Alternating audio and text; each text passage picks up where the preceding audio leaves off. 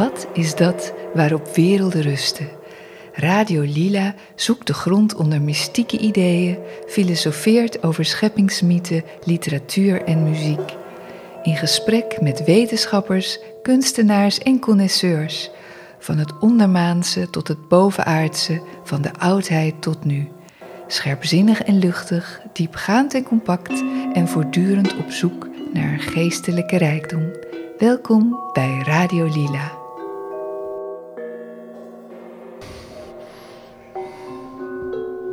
Hallo allemaal, uh, vandaag de gast is André Kloekhoen. Hij is scheikundige, filosoof en daarnaast schrijver van vele boeken. En ik noem hier alleen eventjes zijn monumentale boek De geschiedenis van het denken uit 2003 dat echt vele herdrukken kent. Welkom André. Dag Marleen, zijn we weer. Zijn we weer. Ja, we hebben met jou al uh, meerdere uitzendingen mogen maken. Uh, die heel erg gewaardeerd worden, ook door onze luisteraars. Dus uh, ja, ik ben heel blij dat je er weer bent.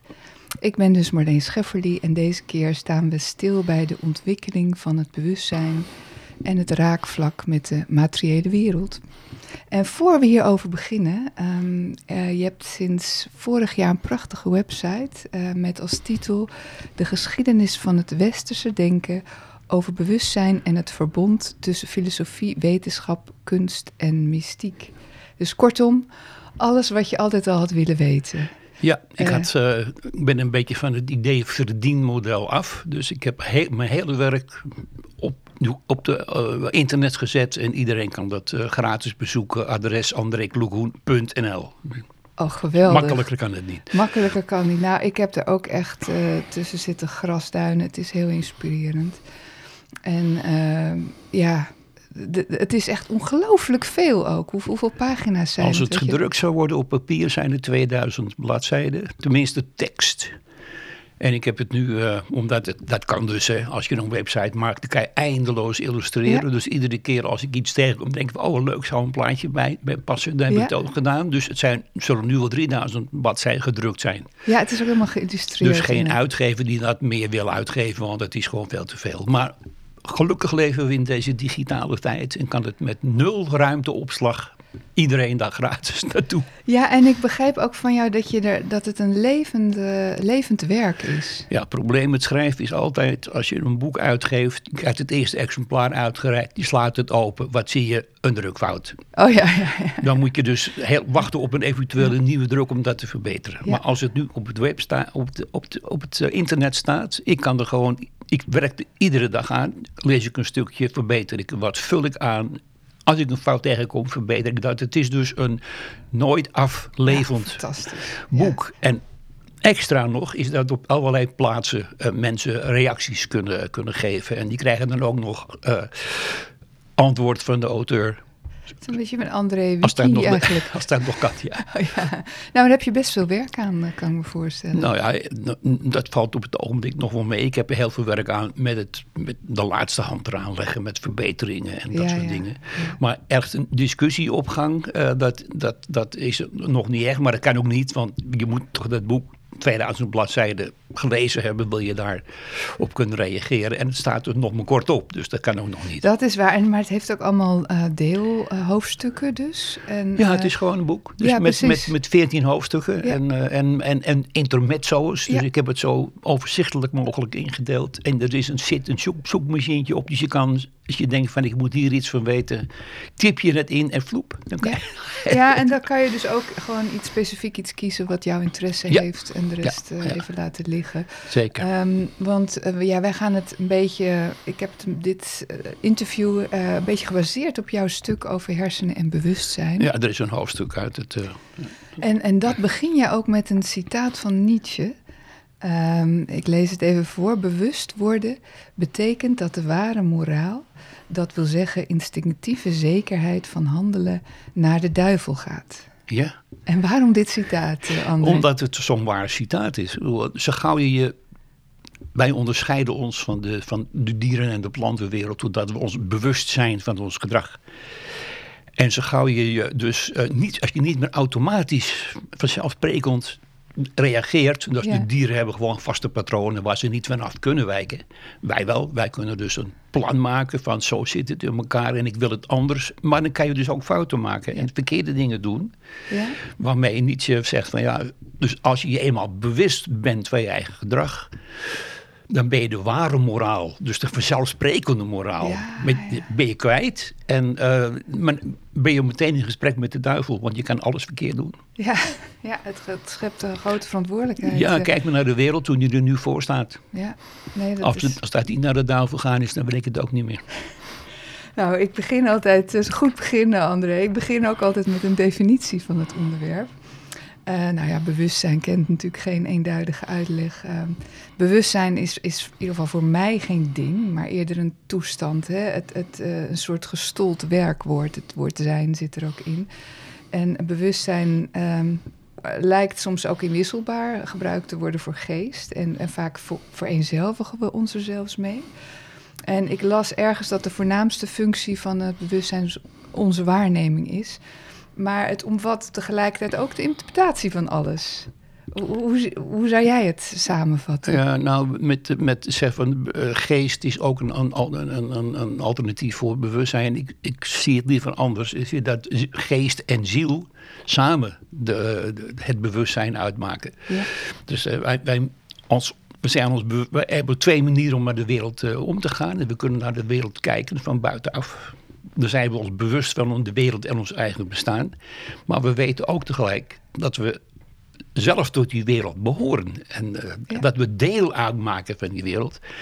En om het overzichtelijk te, te, te houden, hebben we dus eh, besloten om eh, dat, dat deel van het bewustzijn waarmee we naar de wereld kijken, dus wetenschap bedrijven, geest te noemen. En dat deel van de wereld waar wij bij de wereld horen en deel uitmaken aan het gebeuren, om dat ziel te noemen. Dus geest en ziel zijn twee aspecten van het bewustzijn. Ja. En als we nou toch eh, daarover bezig zijn, om even helemaal duidelijk te maken, we hebben ook twee hersenhelften. ja, Die eh, eh, nauw, met, nauw, nauwelijks met elkaar verbonden zijn. Dus het corpus callosum is een vrij dunne zenuwband die eh, tussen de hersenhelften in zit. En de twee hersenhelften die zijn allebei permanent in bedrijf, maar werken op een verschillende manier. Dus de, de, de linker hersenhelft werkt analytisch, ja, eh, kijkt naar de wereld als een seriële gebeurtenis. En de rechter hersenhelft is holografisch. Die kijkt naar de wereld als geheel. En je zou dus kunnen zeggen dat de wetenschapper gespecialiseerd is in het gebruik van zijn linker hersenhelft. En de kunstenaar, die dus bezig is met hoe het is om te zijn. Beslag te doen van wat het leven is. Die eh, is hoofdzakelijk bezig met zijn rechter hersenhelft. Maar nooit, eh, nooit alleen nee, maar. ik hè. Dus, zeggen, het, is, het loopt een beetje door elkaar. het loopt een beetje door elkaar, toch? maar het is wel toch aan wel links en rechts Ja. eh, gelokaliseerd. Ja. ja. Ja, precies. Ehm, nou, je hebt eigenlijk, als het over het bewustzijn gaat, heb je grofweg twee denkscholen. Eh, de meest recente is dus dat het bewustzijn zetelt in de hersenen. Hè? Eh, dat is een hele wetenschappelijke benadering. En de andere, dat is eigenlijk meer de levensbeschouwelijke visie. Die gaat er vooral eh, vanuit dat er eerst een hoger bewustzijn Ja, was. Zeker. En dat ja. de materie eigenlijk weer daaruit eh, is ontsprongen. Dus de mens als een soort schepsel van God, of, een, of in ieder geval een afgeleide van het hogere. Ehm, eh, ja, dus laten we beginnen met die laatste. Hè? Dus die, die visie waarin alles begint met een hoger bewustzijn. Ja. Dat dus vervolgens wordt aangekleed door de materie. Dat vind ik ook altijd wel een mooi beeld. En de mens als afgeleide van het hogere. Maar ook de mens als speelbal van de goden. Hè? Ehm, en eh, ja, dan moet ik meteen denken aan de eh, klassieke eh, cultuur. Ja, ja.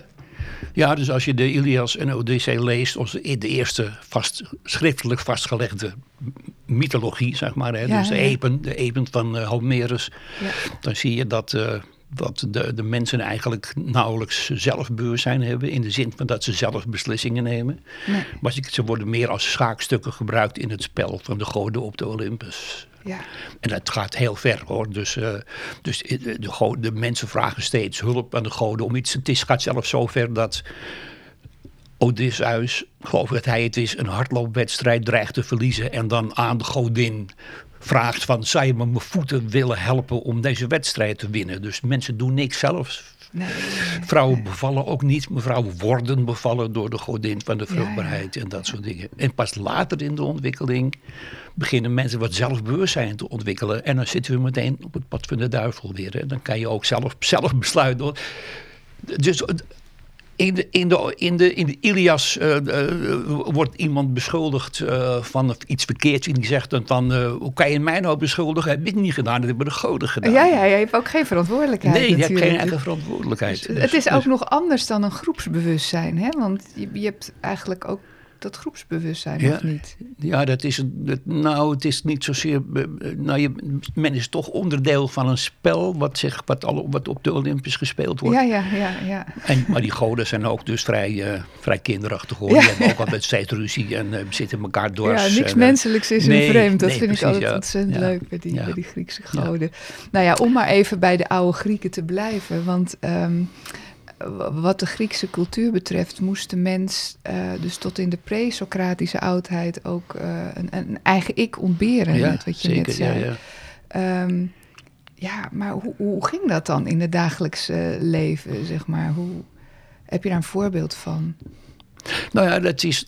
Maar ik wil eerst nog even terugkomen ja, op, het, op, op, die begin, ja. beginstelling, die namelijk buitengewoon interessant is. Dat er twee manieren zijn om tegen die werkelijkheid aan te Ja. kijken. Namelijk, het bewustzijn is een gevolg van onze biologische ont ontwikkeling en komt daaruit voort. Of onze biologische ontwikkeling wordt gestuurd door een Precies. een ja. bewustzijn en wat vooraf gaat aan ons materiële bestaan. En er zijn dus ook twee visies die ook stoelen in de twee verschillende hersenhelften. Dus, Ja, dus het is ook de ene, de wetenschappelijke manier wordt ook links gesitueerd en de, en de spirituele manier, zeg maar, of de religieuze manier wordt ook rechts gesitueerd. Dus wij zitten in, en dat is ook een van de thema's van mijn boek, maar we leven in een verscheurde wereld. We Mhm. leven altijd uh, met verschillende mogelijkheden, omdat wij op verschillende manieren naar de werkelijkheid kijken. En daar moeten wij dus mee om. En je zou, je zou dus kunnen zeggen dat die oude Grieken in hun rechter hersenhelft zaten. Uh, ja, hun, hun linker hun, hun was niet, nog niet ontwikkeld. Dat begint pas later met, zeg, met Archimedes Ja. enzovoort. Daar begint men wetenschappelijk uh, uh, zich te ontwikkelen. En de, ook, dus wat zich ook die manier van denken zich afspeelt in de, in de. Ja, dat het nou. eh, ik kan me in jouw stukje een, eh, iets herinneren over een Spartaanse vrouw. Ja. Die ehm, haar zonen verliest. Ik Ja. kan het beter zelf vertellen. Ja, in, in een of andere slag, want ze vochten ze heel wat af voor die Grieken met die, Ja, met die, met die Persen en, en de Spartanen met de Atheners en zo. En er werd dus constant gevochten. En dan wordt er één slag uitgevochten waarbij een bode eh, naar de stad terugkomt rennen om te vertellen wat de uitslag is. En dan vraagt er een moeder van drie zoons, vraagt van hoe is de slag afgelopen? En dan zegt die bode...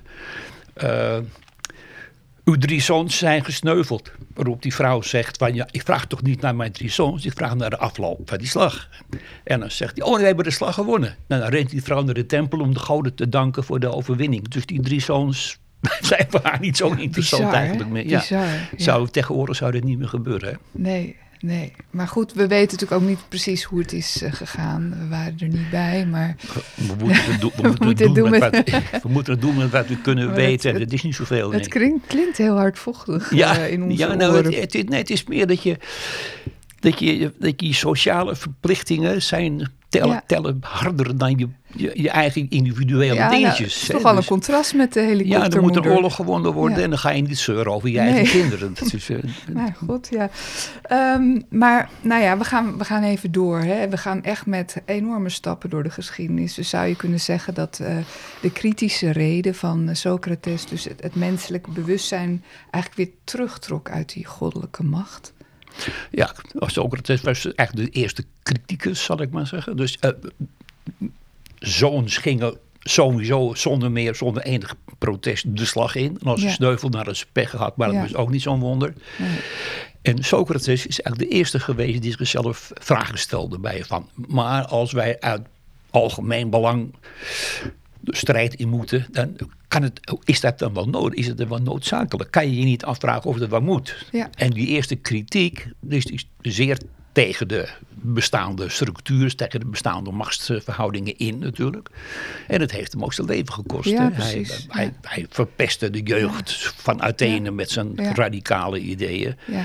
Terwijl hij alleen maar zich kritisch afvroeg van is het wel noodzakelijk? Kunnen we, is er niet geen andere mogelijkheid Ja, dan dit? ja, dus hij was een tijd eh, te ver vooruit, maar Ja, ja, zeggen. ja, ja, ja.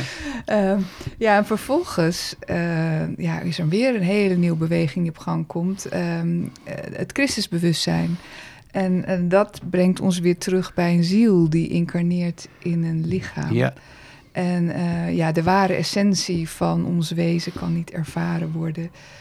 Ja, wat is dan weer de invloed daarvan, van het christelijke Ja, geloof? dus dat, dat de- die andere kant van, van, de, van, het, eh, van het bewustzijn, eh, het ethische, eh, zich ontwikkelt. En dat, dat de vanzelfsprekendheid verdwijnt uit het, uit het, uit het gedrag en het gedoe van, van mensen. Het enige probleem daarmee is geweest dat eh, door het christendom het ene, eh, het ene verhaal, monomane verhaal over Ja, de ja. reden, vervangen werd door het andere monomane verhaal. Ja. Van als je niet in Christus geloofde, ging je kop er ook af. Dat was dus ook niet zo'n leuke tijd Ja, in dat opzicht. Nee, nou, we gaan nu helemaal fast forward. eh, toen kwam Descartes. Ehm, eh, met de scheiding van lichaam en geest. En ehm, ja, dat was natuurlijk ook weer een hele andere, eh, andere zienswijze en blik op het Ja, bewustzijn. ja, het is altijd moeilijk om zo'n detail uit het hele verhaal te halen. Want er zit Ja, natuurlijk een heel verhaal achter.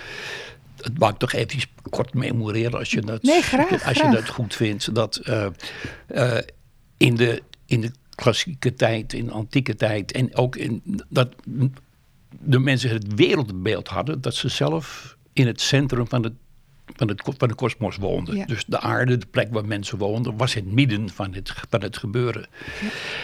En in het christendom kwam er nog bij dat de bewoners van die aarde dus geschapen waren naar Gods evenbeeld. Dus eh, mensen waren gewoon eigenlijk goden. Ja, En dan komt de wetenschappelijke ontwikkeling op gang, waar Descartes ook onderdeel van uitmaakt, maar eerder nog even eh, eh, Copernicus en Galilei, die Ja. het wereldbeeld van wij wonen in het midden van het universum en alles draait om ons, verving door nee, we wonen op een planeetje wat net als andere planeten om de zon draait en we, maken, we hebben helemaal geen unieke positie. Eh, dus wij werden eigenlijk door Copernicus en Galilei en dat soort wetenschappelijke geesten uit het centrum van het universum gewipt. Ja. Terwijl het in het christendom wat in het midden verstonden om alles omdraaide om ons.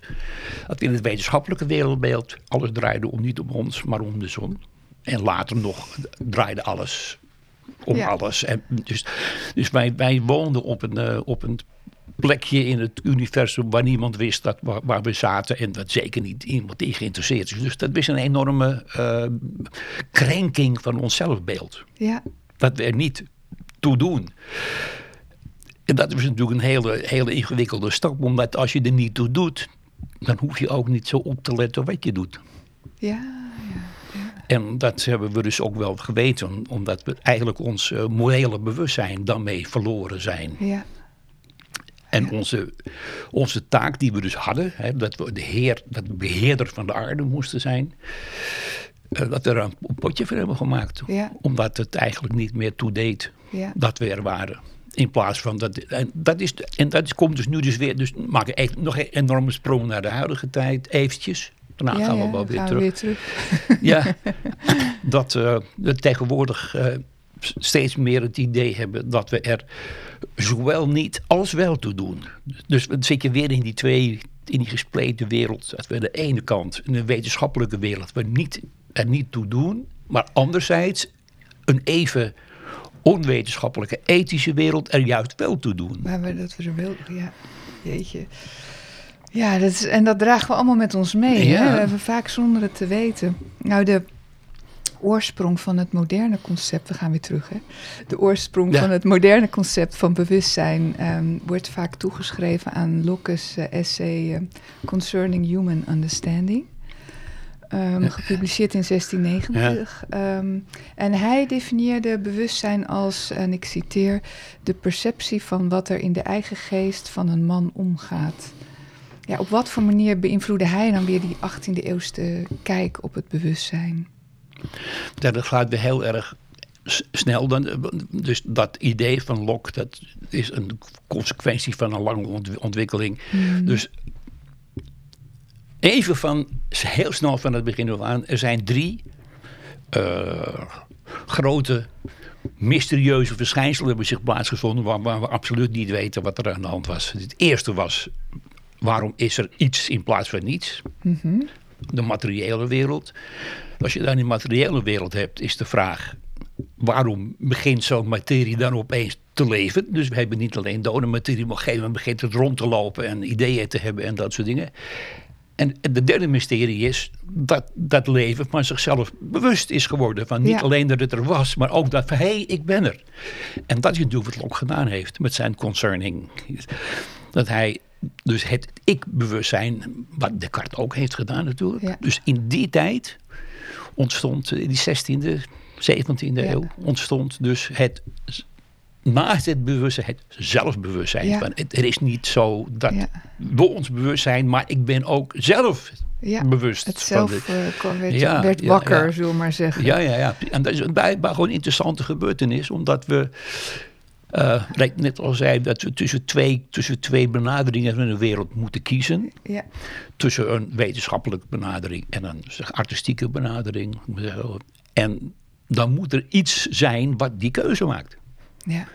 En eh, als er iets te kiezen valt, moet er iets zijn wat die keuze maakt. En, Precies. en dat is dan, buiten dat die twee vormen van bewustzijn, het geestbewustzijn en die zielbewustzijn, is dan het zelfbewustzijn. Ja.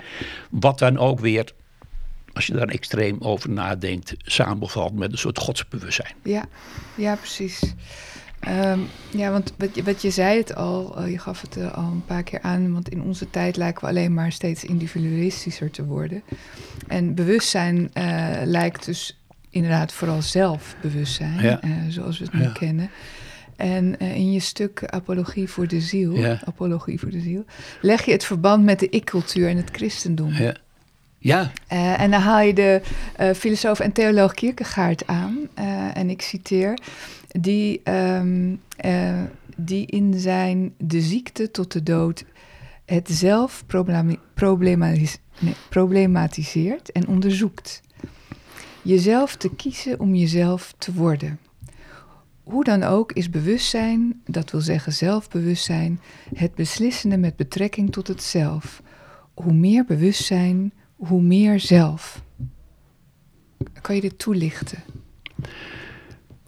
Ja, dat, maar niet meer dan ik al voor, vooraf al heb gedaan. In, in de zin van dat ons, uh, ons bewustzijn uit twee aspecten bestaat. Een, een, een, een, een bewustzijn van de buitenwereld en een bewustzijn van bij die wereld, dus tegenover de wereld te staan en dat we deel hebben aan die wereld, dat het een keuzemogelijkheid is en dat je die keuze maakt vanuit je daar ontwikkelde zelfbewustzijn. Als je, dus het is, ja, mensen die het interessant vinden, dus Hegels idee van these, antithese, synthese. Mhm. Dus de these van we zijn ons bewust van de buitenwereld.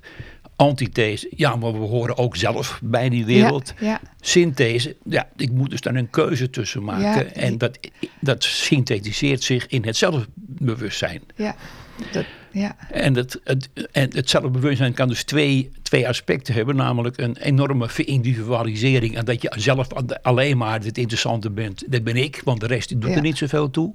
Maar wat, wat, ik, wat ik veel interessanter vind, is een filosoof als uh, Ortega y Gasset. Ja, ja. Die begint met de stelling van niemand wordt zomaar ergens geboren. Maar iedereen, iedereen wordt op een bepaald moment, op een bepaalde plaats geboren voor een bepaalde opdracht.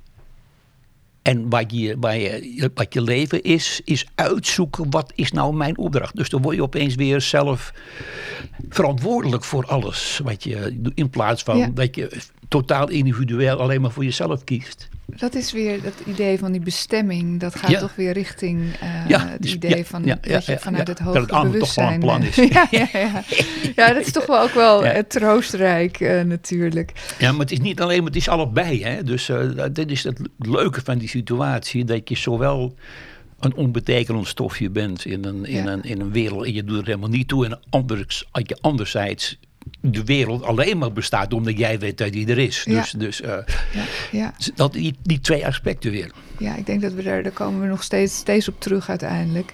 Want we gaan nu even weer terug naar het materialistische uitgangspunt van het begin. Dat eh, de materialisten zeggen dus, eh, ons bewustzijn is gestoeld op het feit dat we een lichaam hebben, op onze hersenen. De hersenen worden gezien als de basis van ons bewustzijn, toch Ja. door de wetenschap. Ja, maar ja, het maakt niet zoveel uit of, je, de, of, of, of dat bewustzijn voortkomt uit de structuur van de cellustructuur van de hersenen. Of dat, eh, noem je het nou, dat, het, eh, dat, eh, dat, het, dat het, onze hersenen het bewustzijn mediëren. Dus, dus alleen maar een soort van ontvang- en doorgeef. Ja, precies. Nou, dus het is. Ja, ze hebben ook, er zijn twee termen voor, ben ik onlangs achtergekomen, Oh. eh, die de wetenschap eh, dus hanteert. Het toegangsbewustzijn, dus het- dat is eigenlijk het eh, zogenaamde de rationele informatie. Ja. En het fenomenaal bewustzijn. Oh, en dat is dan de subjectieve verwerking. Ja. En nu, ze komen er steeds meer achter dat er eigenlijk die grens daartussen heel moeilijk te, te leggen is. Ehm, Nou, nee, ik vergelijk het gewoon met een. Het zou kunnen zijn dat je het gewoon met een, met een televisietoestel. Van eh, die radio en die, die elektromagnetische golven die hangen ja, in de lucht. En je drukt een knop in en het verschijnt op je scherm. ja, Dus het is een soort van eh, mediatie tussen die elektromagnetische golftoestand die in het universum hangt en wat jij te zien krijgt eruit. Nou, dat zouden die hersenen ook kunnen zijn. Dat Ja. zijn ze dus ook, maar ze, zijn, ze, komen ook uit het bewustzijn, eh, komt ook uit het hersenen voort. Dus het is, ja, als we het nou helemaal terughalen, wetenschappelijk gezien, wanneer, vanaf wanneer kun je eigenlijk spreken van bewustzijn? Ja, je kan allerlei voorbeelden. Dus, dus in, de, in, de, in, de, in, de, in, de, in de organische wereld. Dus eh, ik haal het boek het voorbeeld van de witte bloedlichaampjes Ja. aan. Die, eh, die eh, ehm, één voor één aftelbaar zijn. Dus het zijn individuele dingetjes. Ja. Maar die reageren alleen maar op de totaliteit. Dus als zij een vreemd organisme tegenkomen, dan vallen ze dat aan. En dat gaan ze dus eh, zelf vaak half aan ten onder. Dus als ze dus weer iets tegenkomen, dan vallen ze het weer aan. Dat, dat, dus zij denken niet, ze, zij maken geen persoonlijke keuzes. Ze, Nee. doen, ze volgen alleen de wetten van het grote geheel. Ja. En als je de ontwikkeling volgt, dan blijken dus steeds meer eh, individuele aspecten een belangrijke rol te gaan spelen. Dus was tot, die, tot, tot Socrates die zegt van ja, maar ja, als ik een li- wit bloedlichaampje ben en ik heb er net één gehad, moet ik dan de volgende ook weer? Of Ja. is mijn buurman aan Ja. de beurt? Hè? Dus dat soort Ja. kritische... Ja, Dat is een globaal een, een, een, een, een, eh, een, een, eh, een, een ontwikkeling die zich door de loop van de geschiedenis voltrekt. Dus het begint met nul en uiteindelijk denk ik toch dat wij ons het meest bewust zijn van wat op deze wereld bestaat. ja, ja. ja, want je hebt ook dat, dat wat, wat die, bij dieren vaak voorkomt, dat groepsbewustzijn ook. Hè? Die, eh, ehm, ja, dat ze echt als, als een eenheid functioneren. Ja, alleen maar, ja.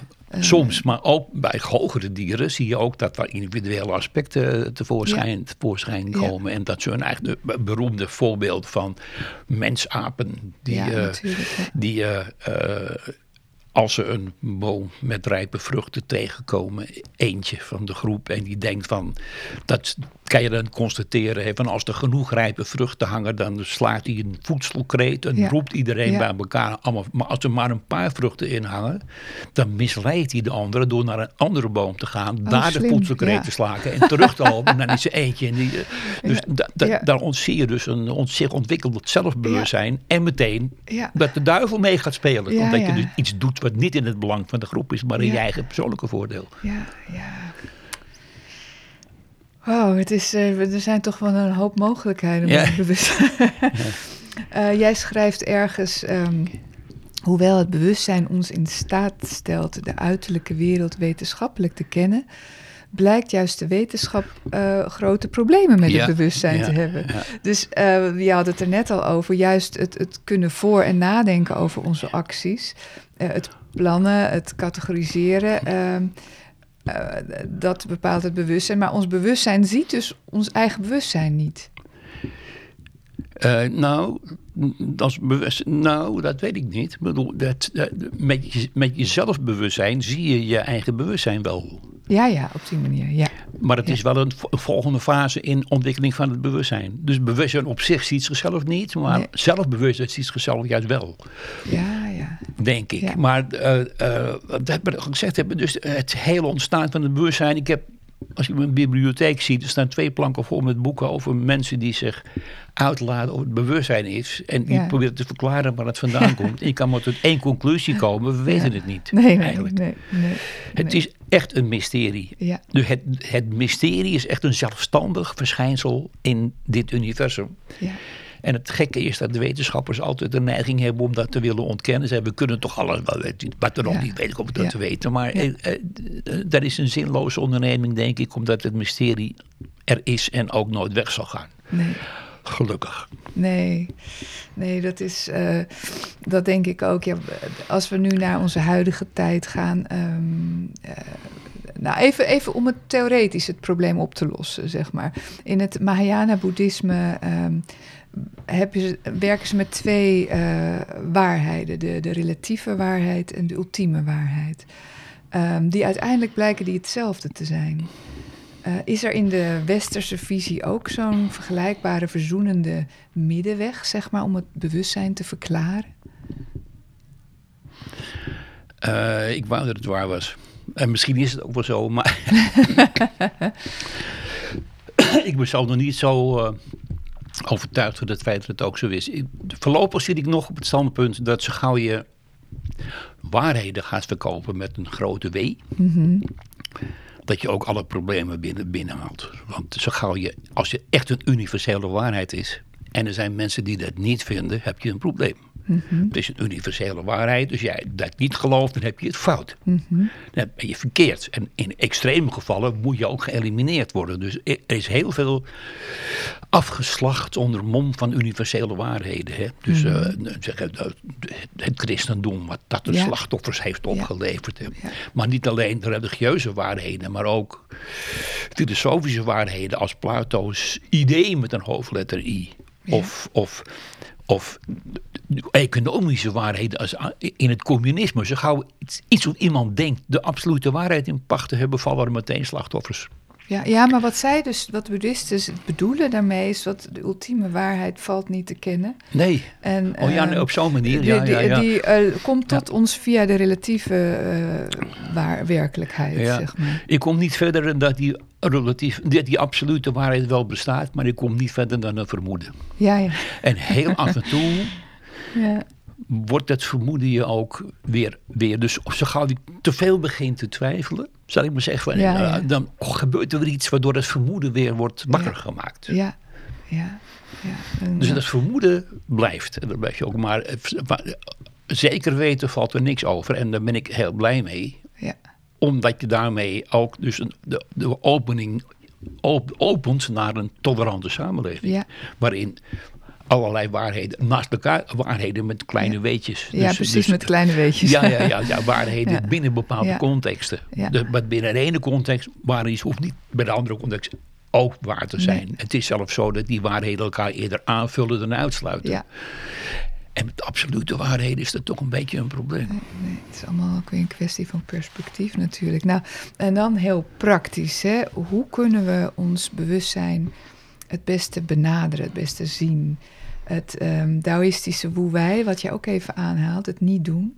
Ja. Ehm, waarbij eigenlijk ook alle conclusies van het bewustzijn, die niet direct noodzakelijk zijn, ook terzijde worden geschoven. Ehm, eh, is een oplossing natuurlijk.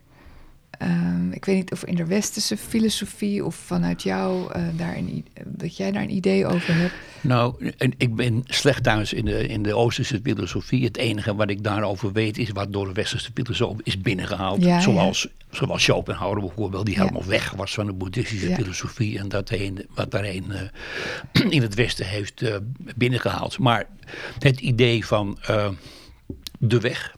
Ja. Tao, het gaat niet om het doel, maar het gaat om, om de ontwikkelingsgang die je doet. Uh, daar ben ik nog steeds wel erg voor, erg voor te, voor te porren. Hè? Dus uh, het gaat niet, niet om het, het absolute doel met die hoofdletter weer, maar het gaat me om het vermoeden dat je blijft voeden en waar je achteraan zit. Omdat, ja. Ja, en dat DAO valt ook niet te benoemen, want op het moment dat je het kunt benoemen, is het niet de DAO. Nee, precies. Maar je kan het wel, je kan het niet uh, beargumenteren, maar je kan het wel tonen of laten gelden. Ja. Of laat ik ja. even de Wittgensteinse termen gebruiken van uh, er is allerlei onuitsprekelijks. Het, dat zeigt zich, het toont zich of het laat zich gelden. Ja. En je kan er niks anders van aan doen dan dat uh, dat je laat ik zonder dat je dat kan uitleggen. Ja, ja woorden schieten tekort. Argument, ja, precies. Ja, ja, Eigenlijk. En ja, we zijn toch afhankelijk van, van woorden hier uh, met deze podcast. Uh, nou ja, uh, ja, bewustzijn is eigenlijk zo'n veelomvattend begrip met zoveel meer aspecten dan we nu belicht hebben. Dus uh, ik stel voor dat we hier nog een keer helemaal op gaan terugkomen. Maar het lijkt me heel mooi om te eindigen met een citaat. Ik weet niet of jij er eentje hebt voor ons. Een citaat, ja, dat is moeilijk. Ik heb wel wat opgeschreven en het gaat, waar het om gaat is. Uh, dus het, uh, dus na de wetenschappelijke verlichting is de romantiek uh, binnengekomen in onze westerse cultuur. Ja. Waarin dus het tegenovergestelde werd bereikt van, van dat je niet naar de buitenwereld kijkt, maar dat je je één voelt met de. En degene die daar een meester in was, was dus de Goethe. Die in, ja, ja. Uh, het, is een, het is een vrij lang citaat. Wil je dat ik hem voorlees? Ja, bijvoorbeeld juist dat ja. Wanneer ik hoog boven de rivier vanaf de rotsen uitkeek over het vruchtbare dal tot aan de verre heuvels en alles om me heen zag kiemen en uitbotten. Als ik de bergen van voet tot top overdekt zag met hoog, dicht geboomte, de dalen met hun grillige bochten overschaduwd zag door de lieflijkste bossen en de kalme rivier tussen het lispelend riet voorbij gleed en de vriendelijke wolk weerspiegelde die de zachte avondwind aan de hemel nabij, naderbij wiegde. Als ik dan de vogels overal leven hoorde maken in het bos en de zwermen muggen bij miljoenen onverdroten in de laatste rode zonnestraal dansten en de zon met haar allerlaatste brekende blik de snorrende kever uit het gras bevrijdde en het wemelen en bewegen op de grond mijn aandacht trok en het mos dat de harde rots zijn voedsel afdwingt en het kreupelhout dat langs de dorre, zanderige helling omlaag groeit, het innerlijk vurige heilige leven van de natuur aan mij openbaarde. Hoe sloot ik dat alles dan niet in mijn brandende hart en voelde mij een God in die overborrelende veelheid en de levensbrengende pracht van de oneindige wereld ging in al zijn gedaante om in mijn ziel. Ontzaglijke bergen stonden om mij heen, afgronden lagen aan mijn voeten en onweersbeken stortten omlaag. Rivieren stroomden onder mij voorbij en bos en gebergte weergalmden. En al die ondoorgrondelijke krachten zag ik scheppend op elkaar inwerken in de diepte van de aarde en boven de aarde en onder de hemel de geslachte krioelen van allerlei, velelei schepselen, heel de wereld alom, bevolkt met duizendvoudige gedaanten. Precies. Dat is dus in de tijd dat men begon te twijfelen aan de alom waarheid van de wetenschap en terugkeerde naar de natuur eigenlijk om. Ja, mooi. Ja. Uh, je wel voor dit gesprek, André. Weer bedankt voor het luisteren. En als je wilt reageren op de uitzending, kan dat via onze website op onze Facebookpagina of door te mailen naar radiolilapodcast.gmail.com. Voor alle vragen of opmerkingen over de behandelde thema's of andere zaken, of als je ideeën hebt voor onderwerpen, laat het ons weten via www.radiolila.nl. Tot de volgende!